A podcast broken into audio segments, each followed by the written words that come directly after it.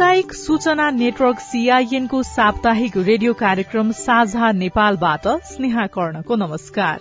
कार्यक्रम साझा नेपाल सामुदायिक रेडियोहरूको छाता संगठन सामुदायिक रेडियो प्रसारक संघको राबद्वारा संचालित सामुदायिक सूचना नेटवर्क सीआईएन मार्फत देशभरि प्रसारणमा रहेका तीन सय भन्दा बढ़ी सामुदायिक रेडियोबाट सुन्न सकिन्छ। साझा Nepal W W W dot CIN khabar dot कममा इन्टरनेट मार्फत चाहेको बेला विश्वभरि सुन्न सकिन्छ भने मोबाइल एप सीआईएन र हाम्रो फेसबुक पेज सीआईएन खबर मार्फत पनि सुन्न सकिन्छ। कार्यक्रम साझा नेपालको आजको अंकमा हामी चाड पर्वमा मनोविज्ञानको सम्बन्ध दक्षिणामा पाएको रकमको सदुपयोग कसरी गर्ने लगायतका विषयमा कुराकानी गर्नेछौं। नेपालीहरूको महान पर्वको रूपमा रहेको दशैंको आज चौथौ दिन हो। आज पनि दशैंको टीका जमरा र आशीर्वाद थाप्ने क्रम जारी छ। आफ्ना मान्यजनहरूबाट टीका थप्ने क्रम भोलि पनि जारी रहन्छ। दशैंसँगै दक्षिणा पनि जोडिएर आउँछ। विशेष गरी दशैंमा नाता सम्बन्ध अनुसार टीका लगाइदिएपछि दक्षिणा दिने लिने प्रचलन छ। औसतमा दक्षिणाका लागि एक परिवारले दश हजार भन्दा बढ़ी खर्च गर्छन्। नेपालको कुल जनसंख्याको चौरासी प्रतिशत अर्थात करिब छप्पन्न लाख घर परिवारले दशैं मनाउँदा करिब छप्पन्न अर्ब रूपियाँ दक्षिणाका लागि प्रयोग गर्छन्।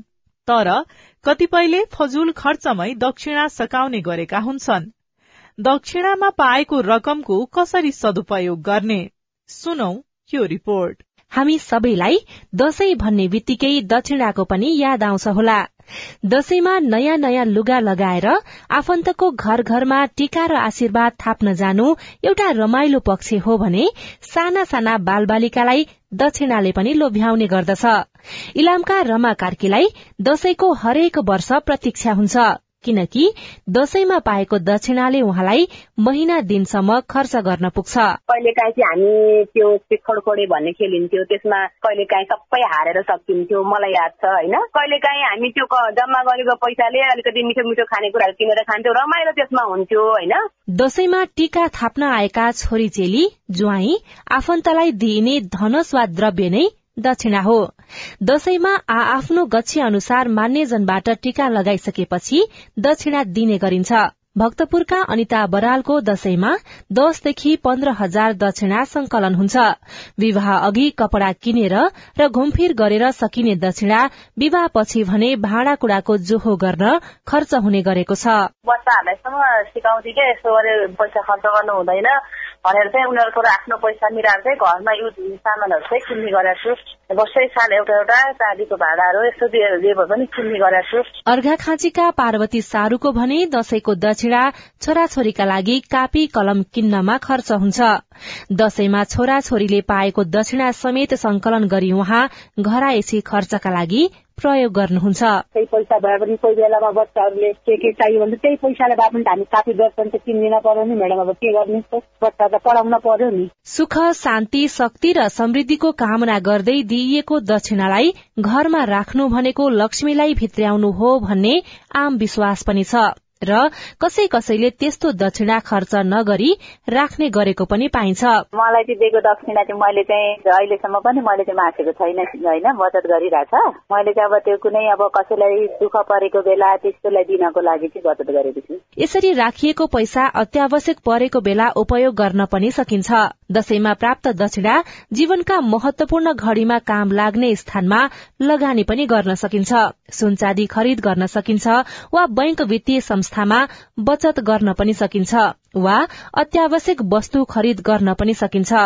अर्थविज्ञ डाक्टर चन्द्रमणि अधिकारी। त्यसलाई सदुपयोग आफ्नो शिक्षामा लगाउने आफूलाई भोलि प्रविधि प्रयोग गर्नु पर्ला ल्यापटप किन्नु पर्ला यस्तोमा लगाउने भने आखिरी गार्जियनले त्यही कुरा किन्नु पर्दिने हुन्छ त्यही त्यसलाई प्रयोग गर्न सक्छ।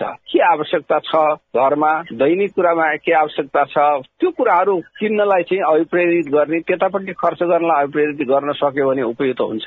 विज्ञहरूका अनुसार औषधमा दक्षिणाका लागि नेपालीले दस हजार भन्दा बढ़ी खर्च गर्छन्। नेपालको कुल जनसंख्याको चौरासी प्रतिशत अर्थात करिब छप्पन्न लाख घर परिवारले दशैं मनाउँदा करिब छप्पन्न अर्ब रूपियाँ दक्षिणाका लागि प्रयोग गर्ने गर्छन्। दक्षिणाको सही सदुपयोग गर्न सके मात्रै पनि छप्पन्न अर्ब रूपियाँको सदुपयोग गर्न सकिन्छ। त्यसैले आफूले प्राप्त गरेको दक्षिणालाई फजुल खर्च नगरी सही सदुपयोग गरौं। सुशीला श्रेष्ठ सीआईएन काठमाडौँ। दशैंको दक्षिणामा पाएको रकमको सदुपयोगसँगै नयाँ नोटको व्यवस्थापन बारे पनि हामी सबै सचेत हुनुपर्छ। आशीर्वादसँगै दक्षिणाको रूपमा नयाँ नोट दिने लिने प्रचलन छ। नेपाल राष्ट्र ब्याङ्कले भने नयाँ नोटको सुरक्षामा ध्यान दिन आग्रह गरेको छ। दक्षिणा लिँदा दिँदा पूजा आजा गर्दा वा अन्य कुनै धार्मिक या सांस्कृतिक कार्य गर्दा रंग लागेको वा मैलिएका हातले नोट नछुन सबैसँग राष्ट्र ब्याङ्कका प्रवक्ता डाक्टर गुणाकर भट्टले आग्रह गर्नुभयो।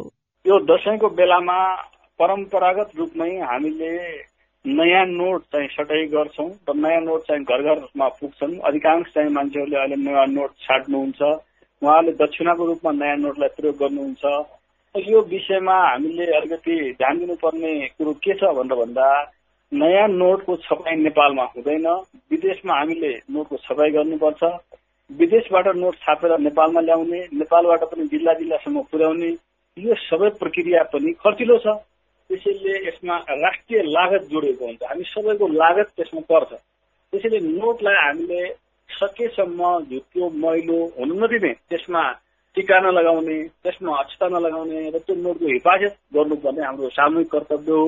विदेशमा पनि अरू मुलुकमा यसरी चाहिँ कागजी नोटको हिफाजतमा नागरिकहरू स्वयं लाग्नु भएको देखिन्छ।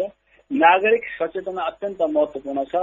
दशैंको बेलामा हामी सबै उल्लासमय साथ दशैं मनाऊ खुसीका साथ दशैं मनाऊ दक्षिणा दिउँ तर त्यो दक्षिणा प्राप्त गरेको नोटलाई सकेसम्म हामी मैलो हुन नदिउँ त्यसमा टिका लाग्न नदिउँ त्यसमा अक्षता लाग्न नदिउँ। यो यहाँहरू सबै समक्ष हाम्रो अनुरोध छ। सँगसँगै जससँग मोबाइलको प्रयोग गर्ने क्षमता विकास गर्नुभएको छ मोबाइलको माध्यमबाट दक्षिणा दिन सक्नुहुन्छ डिजिटल कारोबार गर्न सक्नुहुन्छ उहाँहरूले डिजिटल दक्षिणाको पनि उपयोग गर्न सक्नुहुन्छ। र डिजिटल दक्षिणाको उपयोग गर्दै जाँदा हामीले लागत सबैको लागत घटाउन सक्छौँ। सबैका लागि यो पनि सजिलो माध्यम छ। नोटमा कुनै पनि बहानामा रंग लगाउने लेख्ने केरमेट गर्ने नोटको आकार बिगार्ने जो कोहीलाई प्रचलित कानून बमोजिम कार्यवाही गर्ने पनि राष्ट्र ब्याङ्कले चेतावनी दिएको छ। त्यसकारण हामी सबै नोटलाई सुरक्षित राख्नतर्फ सचेत हुनुपर्छ। कार्यक्रम साझा नेपालको अघिल्लो अंकमा हामीले दशैं र सुरक्षा व्यवस्था लगायतका विषयमा कुराकानी गरेका थियौं। दशैं अथवा चाडबाड भन्ने बित्तिकै सबैको अनुहार हँसिलो देखिन्छ भने कतिपयलाई पिरलो हुन्छ। कारण सबैसँग खर्च गर्ने नयाँ लुगा किन्ने मिठो परिकार खान सक्ने क्षमता हुँदैन भने बालबालिकादेखि विभिन्न उमेर समूहका व्यक्तिको सोच चाडबाडलाई लिएर फरक फरक हुन्छ। चाडबाड भन्ने बित्तिकै हाम्रो मनोविज्ञान पनि जोडिन्छ।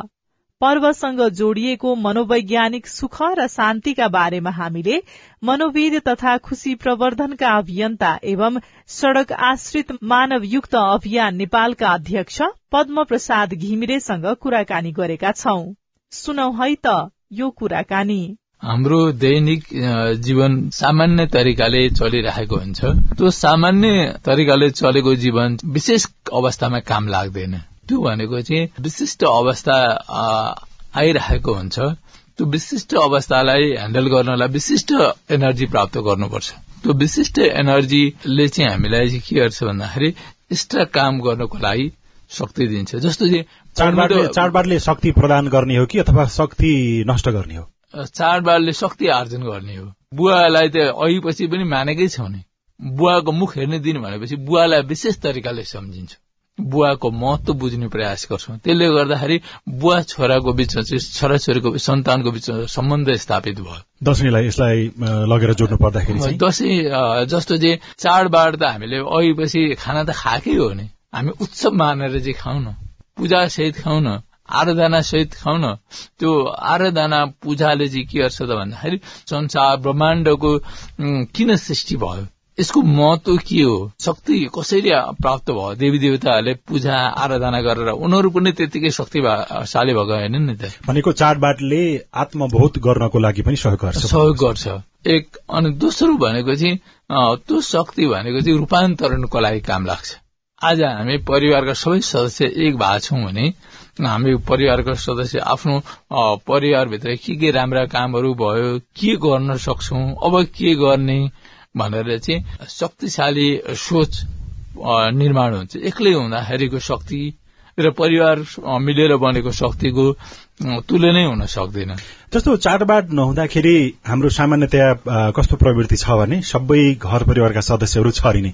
कोही विदेशमा होला कोही शहरमा होला कोही गाउँमा बस्नुपर्ने हाम्रो बाध्यता हुन सक्छन् होइन। तर चाडबाडको बेलामा सबैजना घर हुँदाखेरि घरमा एक्लै महसुस गरिराखेका वृद्ध वृद्ध अवस्थाका व्यक्तिहरू अथवा अगुवा व्यक्तिहरूले पनि मानवीय हिसाबले अथवा जनशक्तिको हिसाबले पनि म अलि सम्पन्न अथवा ममा शक्ति छ भन्ने त्यो मनोवैज्ञानिक रूपमा महसुस गर्ने अवस्था आउँछ कि आउँदैन? मैले यसलाई भाव र अभावसँग लगाएर जोड्न चाहन्छु। आफ्नो सदस्य जहाँ भए पनि मेरो छोरो विदेशमा छ कुनै ठाउँमा छ छन त छन् नि त तत्काल पो भेट्नु भयो। कम्तीमा दसैँमा त आउँछ। भनेर चाहिँ आफ्नो मनभित्र एउटा भाव एउटा कनेक्टिभिटी एउटा जोड जोडिएर बसेको हुन्छ भाव। त्यसले चाहिँ शक्ति दिइराखेको हुन्छ आशा जगाइराखेको हुन्छ। घरभन्दा बाहिर परिवारका सदस्य हुँदाखेरि एउटा शक्ति हुन्छ भने त्यो घरमै पुग्दाखेरि आँगनमै पुग्दाखेरिको शक्ति अझ बढ्ने पर्छ अझ तयारी हुन्छ। त्यसले शक्तिलाई बढावा दिन्छ। किनभने त्यो टाढा हुनु र सँगै हुनुको फरक छ। त्यसले दिने शक्ति विश्वास किनभने केही पऱ्यो भने मसँगै छ नि त। अनि आत्मविश्वासको चाहिँ वृद्धि विकास गर्छ। घर धनी अथवा मूल व्यक्तिलाई मात्रै त्यस्तो प्रकारको आत्मविश्वास र शक्ति शक्तिशाली भएको महसुस हुने हो कि विभिन्न उमेर समूहका बालबालिका पनि घरमा हुन सक्छन् वृद्ध वृद्धा हुन सक्छन् र प्रौढ अवस्थाका व्यक्तिहरू पनि घरमा हुन सक्छन्। त्यो उमेर समूह अनुसारको शक्ति आर्जन गर्ने शैली पनि फरक फरक हुन्छ। फरक फरक हुन्छ। जस्तो मलाई के लाग्यो भने मेरा बच्चाहरूलाई हजुरबुवा हजुरआमासँग भेट्ने कति रहर छ। हजुरबुवा हजुरआमाबाट प्राप्त हुने निष्कलङ्क प्रेम भाव त्यो करुणा भाव नाति नातिनालाई दिने त्यसले चाहिँ के गर्छ त भन्दाखेरि त्यो बच्चाले पनि बाबुआमाले दिएको भन्दा अतिरिक्त प्रेम पाउँछ। बालबालिकालाई गाउँबाट सहर अब सहरबाट पनि अझ सम्पन्न ठाउँ कता हो त्यति लाने प्रतिस्पर्धा चलेको जस्तो देखिरहेको छ होइन? हजुर। उनीहरूले विद्यालयमा शिक्षण संस्थामा खोला भनेको यो हो पहाड़ भनेको यो भनेर पढ्ने हो र सानो तस्विर देख्ने हो। तर दशैं तिहार लगायतका चाडबाडको मौकामा जब बालबालिका सहित अभिभावकहरू गाउँ फर्कन्छन् अथवा वास्तविक जुन धरातलमा फर्कन्छन् त्यसले बालबालिकाको सिकाइमा कहीँ न कहीँ असर गर्छ कि गर्दैन? वास्तवमा अहिलेको शिक्षा प्रणाली नै गलत मानिरहेको छु मैले भर्चुअल जे कुरा पनि वास्तविक भन्दा पनि हामीले टाढा दिएर लगेर दिइरहेका छौँ। त्यसले गर्दाखेरि चाहिँ जुन प्राकृतिक ज्ञान हुनुपर्ने हो त्योबाट विमुख भइरहेछन्। अहिले हामीले जब दसैँ चाडबाडको बाहनामा मात्रै भए पनि हामी जाँदाखेरि जुन प्रकृतिसँग उसको मिलन हुन्छ साँच्चीकै खोलो तर्नु भनेको के रहेछ? उकालो चढ्नु भनेको के रहेछ? अन्न कसरी फल्दो रहेछ? भनेर चाहिँ यसले रियल साँच्चीकै ज्ञान दिन्छ। र यसले जीवन रूपान्तरणको लागि यसले साथ दिन्छ। त्यसो हुनाले अब हामीले सिकाउनु पर्ने सिक्नु पर्ने ज्ञान भनेको चाहिँ प्राकृतिक आफ्नो शरीरले आँखाले सबै कुराले प्रत्यक्ष हुने तरिकाले हामीले त्यो ज्ञान दियौँ भने त्यो रूपान्तरणको लागि जीवन बदल्नको लागि काम लाग्छ। अहिलेको बच्चाहरूको जुन सोसियल मिडियामा यो सामाजिक सञ्जालमा भयो अब मोबाइलहरू चलाएर चाहिँ हैरान गरेर ग्याजेट चलाएर यो अवस्थामा चाहिँ हामीले यस्ता खालको प्राकृतिक काममा हामीले लगाउन सक्यौँ भनेदेखि त्यो खालको समस्याहरू पनि कम हुँदै जान्छ। तपाईँले अघि यसलाई शक्तिसँग जोड्नुपर्छ र शक्ति आर्जनको एउटा माध्यम दशैं तिहार हो। त्यो मनोवैज्ञानिक रूपमा हुन सक्छ अथवा अरू सामाजिक रूपमा पनि भन्नुभयो। तर दशैं र आर्थिक पाटो फेरि अन्नन्याश्रित जस्तो भनेर हामीले व्याख्या गरिराखेको पाइराखेका छौं। आर्थिक रूपमा धेरै हामीले खर्च गर्नुपर्ने त्यस्तो स्थिति हो भने यसले शक्ति आर्जन गर्यो कि हाम्रो भएको शक्ति पनि गुमाउने एउटा माध्यमको रूपमा चाडपर्वलाई लिने त। वास्तवमा शक्ति भनेको चाहिँ शक्ति सञ्चय गर्नु भनेको खर्च गर्नुको लागि पनि हो। शक्तिको रूपमा मात्रै राखेर भएन नि त। त्यसो हुनाले खर्च गर्नको लागि हामीले चाहिँ तयारी अवस्थामा राख्नु पर्यो। शक्तिलाई तयारी अवस्थामा राख्नको लागि चाहिँ अघि पछिको दैनिकी चाहिँ हाम्रो सुदृढ हुनुपर्छ। शक्तिशाली हुनुपर्छ। त्यो शक्तिशाली नभएको हुनाले अहिले दसैँ चाडपर्व चाहिँ घाँडो भएको हो। त्यस हुनाले अब हामीले हाम्रा अभिभावकहरू जो कमाउने उमेरका मान्छेहरूलाई कसरी अरूको बेलाको दैनिकी चाहिँ सामान्य बनाउने शक्तिशाली बनाउने सहज बनाउने भन्ने कुरा चाहिँ दिनुपर्छ। जसले गर्दाखेरि चाहिँ उहाँहरूले चाहिँ दसैँ चाडबाड आयो अब टेन्सन लिनुपर्ने भयो तनाव भयो भन्ने अवस्था चाहिँ नरहोस्। समाजमा देखिराखेको विषय भनेको हुने खाने व्यक्तिहरूको दशैं चाडबाड लगायतका विषयवस्तुहरू अलि त्यही प्रकारको हुने र विभिन्न समुदायमा बसोबास गर्ने अथवा आर्थिक रूपमा कमजोर भएका व्यक्तिहरूले दशैंलाई हेर्ने दृष्टिकोण फरक फरक छ। घर परिवारमा बाल बालिकाहरू हुन सक्छन्। उनीहरूको आवश्यकता उनीहरूको साथीभाइ लह लहैमा लागेर उनीहरूले देखि सुनेका कुराहरू घर परिवारमा आएर त्यो कुरा जानकारी गराउने र त्यही अनुसारको माग गर्ने परिपाटी पनि बाल बालिकामा देखिन्छ यसकारणले अभिभावकहरूमा एक प्रकारको दबाव सृजना भइराखेको सुनिन्छ। दसैँ के सम्पन्न व्यक्तिहरूको मात्रै हो? त्यो चाडबाड भनेको भए चाडपर्व यो खुसियाली भनेको चाहिँ सबैको लागि हो। यो एउटै माध्यम के भयो त भन्दाखेरि आर्थिक पाटोले नै निर्धारण गर्न खोज्यौं हामीले त्यो नै अहिले समाजको लागि ठूलो विकृति भएर विकास हुँदैछ। र यो यो चाहिँ हाम्रो लागि दुःखको कुरा हो। हाम्रो आर्थिक अवस्था कमजोर छ भने हामीले त्यसलाई खुसीका साथ रमाइलोका साथ कसरी दसैँ मनाउने अथवा कसरी चाडबाड मनाउने? पहिलो नम्बरमा त हामीले परिवारको सदस्यहरू छौँ हाम्रो अवस्था यो छ। यस कारणले हामीले सकेनौं। तर दुःख मान्नु पर्ने अवस्था छैन। कम्तीमा हामीलाई रोग त छैन नि त। ठूलो रोगबाट त ग्रसित छैन। मात्र पैसा नभएको नै भयो त्यसो हुनाले सम्भावना हुन सक्छ। अब जीवनको परिस्थितिमा कहिले काहीँ यस्तो मुडहरूमा यस्तो अवस्था आउन सक्छ भनेर चाहिँ हामीले परिवारका सदस्य बालबालिकाले पनि कुरा बुझ्छन्। तर हामीले चाहिँ बुझाउने प्रयत्नको लागि छलफल गर्नुपर्ने हुन्छ। कतिपय कुराहरू चाहिँ हामी भन्दै भन्दैनौ नमानेपछि बच्चाहरूले पनि बुझ्दैनन् उनीहरूले एकरो रूपमा गलत बुझ्न सक्छन्। त्यस कारणले हामीले बच्चालाई साथी बनायौँ भने उनीहरू हाम्रो लागि सहयोगी हुन सक्छ। त्यसो भए घर परिवार समाजमा बाल बालिकाहरूलाई निर्णय प्रक्रियामा त्यो त्यस्तो हुने छलफलमा सहभागी गराउनु हुँदैन। उनीहरूलाई यो विषय जानकारी गराउन आवश्यकै छैन भन्ने जुन हाम्रो सोचाइ अहिलेसम्मको समाजमा देखिन्छ त्यो गलत? त्यो गलत हो। वास्तवमा हामीले दुईटा पछि चाहिँ हामीले सँगै लैजानु पर्छ हाम्रो के कारणले यो अप्ठ्यारोमा परेका हौ र हाम्रो सम्भावना के छ त? दुईटै कुरा हामीले बतायौँ भने त्यो बाल बालिका चाहिँ सम्भावनालाई विकास गर्नको लागि सहयोगी हुन सक्छन्। परिवारको सदस्य चाहिँ सहयोगी हुन सक्छन्। यदि जहाँ त्यस्तो सहयोगी हुन सकेनन् त्यो परिवार चाहिँ विचलनको अवस्थामा पुग्ने विभिन्न डिभोर्स सम्बन्ध विच्छेदसम्म पुग्ने खतरा हुन्छ। आत्महत्याको घटनाहरू बढ्नुको कारण पनि अस परिवारका सदस्यले गर्ने असहयोग हीन भाव एकले अर्कालाई व्यवस्था गर्नु यी कारण हुन्। त्यसो हुनाले हामीले बेलैदेखि परिवारका सदस्यहरूसँग चाहिँ आफ्ना मनका भावहरू पीड़ाहरू साट्ने र समाधानको उपाय पनि के हुन सक्छ भनेर चाहिँ परिवारको सदस्यबाटै निकाल्न सक्यौं भने एउटा प्रेमपूर्ण व्यवहार हुन सक्छ किनभने सुखमा त सबै साथी भइहाल्छन्। दुःखमा हुने भनेको आफ्नो परिवार हो। त्यो परिवारले पाउने साथ चाहिँ आफ्नो जीवनको लागि ऊर्जा हुन सक्छ घर परिवारमा पनि विशेष गरी चाडबाडको बेलामा एउटा मूली व्यक्ति अथवा माथिल्लो पाको व्यक्तिले अरूका माग पूर्ति गर्ने एउटा हो भन्ने परम्परा हाम्रो बसिरहेका छ होइन? मूली व्यक्तिका पनि आफ्ना केही मागहरू आवश्यकताहरू हुन सक्छन्। प्रौढ अवस्थाका व्यक्तिहरूका पनि आफ्ना केही इच्छा चाहना र माग हुन सक्छन्। बाल बालिकाको र किशोर किशोरीहरूको पनि त्यही अनुसारको माग हुन सक्छ। कसको माग के छ भनेर त्यो ठिक्क ढंगबाट सम्बोधन गरेर दशैं तिहार लगायतका पर्वहरू मनाउन सकिन्छ कि सकिँदैन? सकिन्छ। यसको लागि हामीले अहिलेको एक्काइसौँ शताब्दीमा हामीले सिक्नुपर्ने भनेको चाहिँ सहभागितामूलक पारिवारिक पुनर्मिलन। त्यसको लागि चाहिँ हामी कस्तो अवस्थामा गुज्रिरहेका छौँ हामी कसरी रमाउन सक्छौ कुन तहबाट हामी रमाउने भनेर चाहिँ सबैले मेरो अवस्था यो छ वृद्ध अवस्था वृद्धको मान्छेदेखि लिएर सानो बच्चाको सबैले आफ्नो पीडा पनि भन्ने मेरो चाहना यो थियो भनेर चाहिँ राख्ने र कसरी अगाडि बढ्ने भनेर हामीले सल्लाह गर्न सक्यौं भने मलाई लाग्छ सबैले हिजो गलत तरिकाले बुझेका रहेछन् भने पनि सुध्रिने ठाउँ हुन्छ। अहिले के देखेको छु भने धेरै जसो अहिले चाहिँ गरी खाने उमेर उत्पादनशील उमेरको मान्छेहरूकोमा बढी पीड़ा बोध भएको छ। कारण? कारण चाहिँ मैले जसरी पनि पुर्याउनु पर्छ। बच्चाले पनि के भनिदिने भन्दाखेरि मेरो बुवा आमा किन भएको त?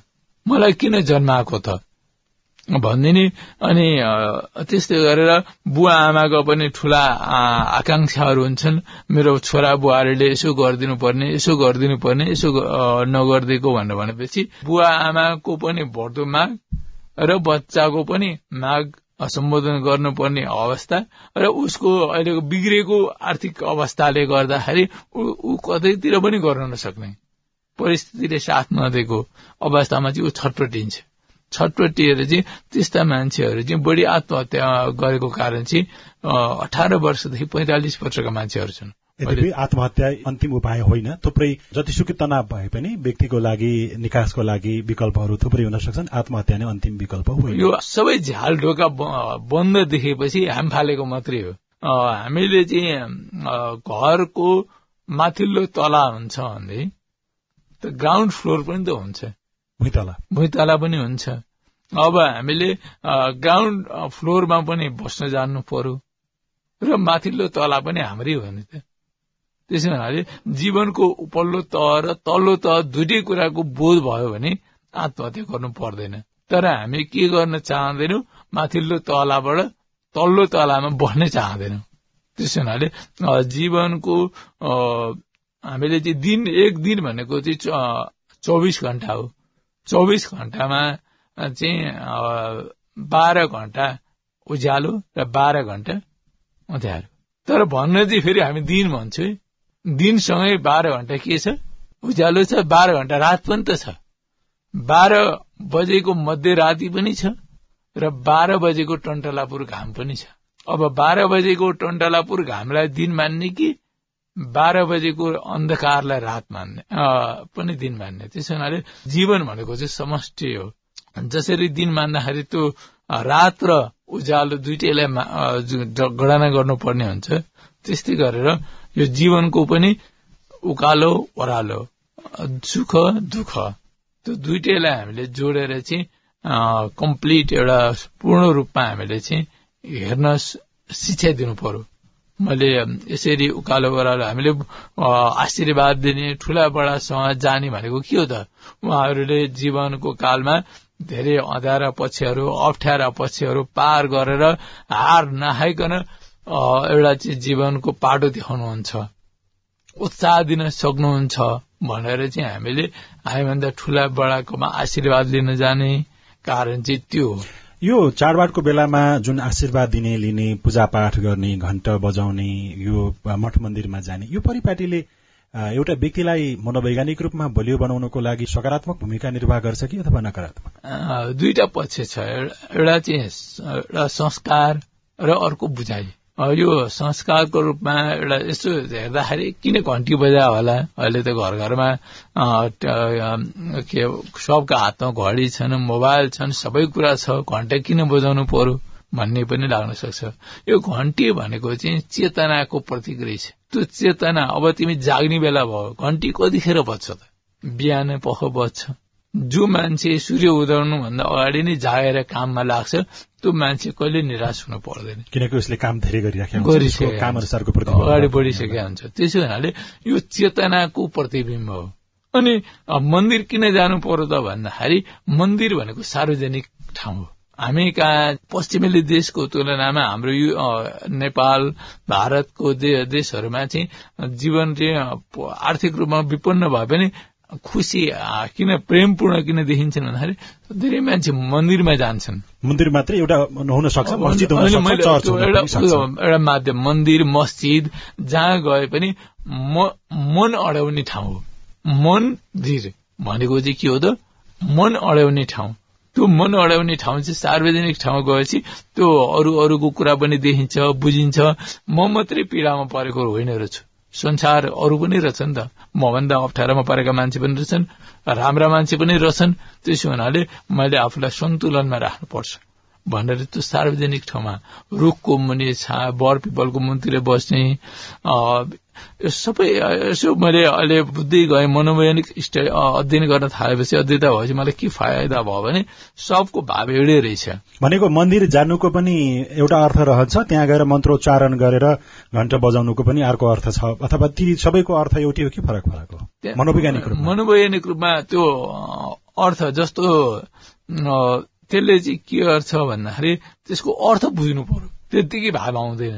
हामीले यो खाना खाएपछि अहिले पोषण विज्ञले भन्छन् नि यसमा यदि क्यालोरी पाइन्छ यसमा यदि क्यालोरी पाइन्छ भना जस्तै त्यो कति क्यालोरीले मन्त्रको उच्चारणबाट पनि शरीरलाई ऊर्जा प्राप्त हुन्छ। मस्तिष्क जसरी खानालाई हाम्रो पेटलाई ऊर्जा चाहिन्छ मस्तिष्कलाई पनि ऊर्जा चाहियो नि। त्यो मस्तिष्कलाई दिने ऊर्जा चाहिँ मन्त्रको माध्यमबाट उत्पन्न हुन्छ। टिका टालो त्यो जुन दक्षिणा दिने अथवा आशीर्वाद लिने दिने जुन परिपाटी हुन्छ यसको कस्तो सम्बन्ध यसको कस्तो प्रभाव रहन्छ मनोवैज्ञानिक रूपमा? स्वस्थ रहन अथवा नरहनको लागि? हामीले टिका भनेको चाहिँ यो हाम्रो मस्तिष्क चाहिँ विभिन्न कुराको सोचले टिका र आशीर्वाद। टिका र आशीर्वाद। यो सोचले गर्दाखेरि मस्तिष्क तातिराखेको हुँदो रहेछ। त्यो टिकाले चाहिँ शीतलताको काम गर्दो रहेछ। चामल पनि शीतल कलर पनि शीतल टिकाले चाहिँ के गर्ने भने शीतलता दिने भयो। अनि त्यसपछि आशीर्वादले उसलाई चाहिँ मानसिक रूपमा ऊर्जा दिने भयो। त्यस हुनाले अब ऊ शिथिल भएको मान्छे पनि के हुने भयो त आशीर्वाद पनि पायो। के दक्षिणा पनि पाएपछि के भयो त ए अब म त्यसरी बस्नु भएन म जाग्नु पर्यो। भनेर त्यो जाग्नको लागि चाहिँ एउटा ऊर्जा हो। दक्षिणाकै लागि टिका थाप्दै हिँड्ने अथवा दसैँ लगायतका चाडपर्व मनाउनतर्फ लाग्यो भने त त्यसले त झन् धेरै बेचैनी ल्याउने होला नि मान्छेको मनमा। त्यस कारणले दक्षिणाको महत्व भन्दा पनि टिका र आशीर्वाद महत्व हो कि अथवा दक्षिणा पनि यसमा छोड्दैन? अथवा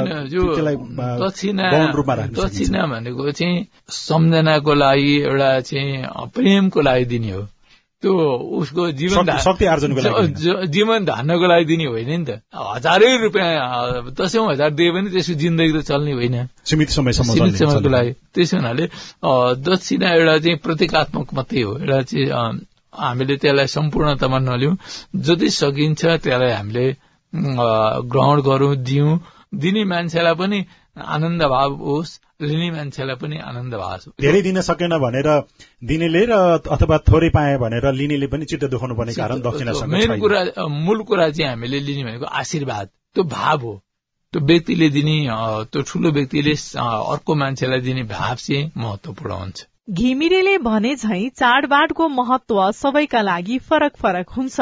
त्यसकारण आफू जुन अवस्थामा छौ त्यही अवस्थामा खुशीका साथ चाडपर्व मनाउने गर्नुपर्छ। साझा नेपाल तपाईँलाई कस्तो लाग्यो? हाम्रो टेलिफोन नम्बर शून्य एक बान्न साठी छ चार छमा फोन गरेर आफ्नो जिज्ञासा सल्लाह सुझाव एवं प्रतिक्रिया रेकर्ड गर्न सक्नुहुन्छ। हवस् आउँदो साता आजकै समयमा फेरि रेडियो कार्यक्रम साझा नेपाल लिएर उपस्थित हुनेछौ। त्यतिन्जेलसम्मका लागि प्राविधिक साथी सुरेन्द्र सिंहलाई धन्यवाद दिँदै म स्नेहा कर्ण विदा हुन्छु। आउँदो साताको साझा नेपालमा फेरि भेटौँला। नमस्कार।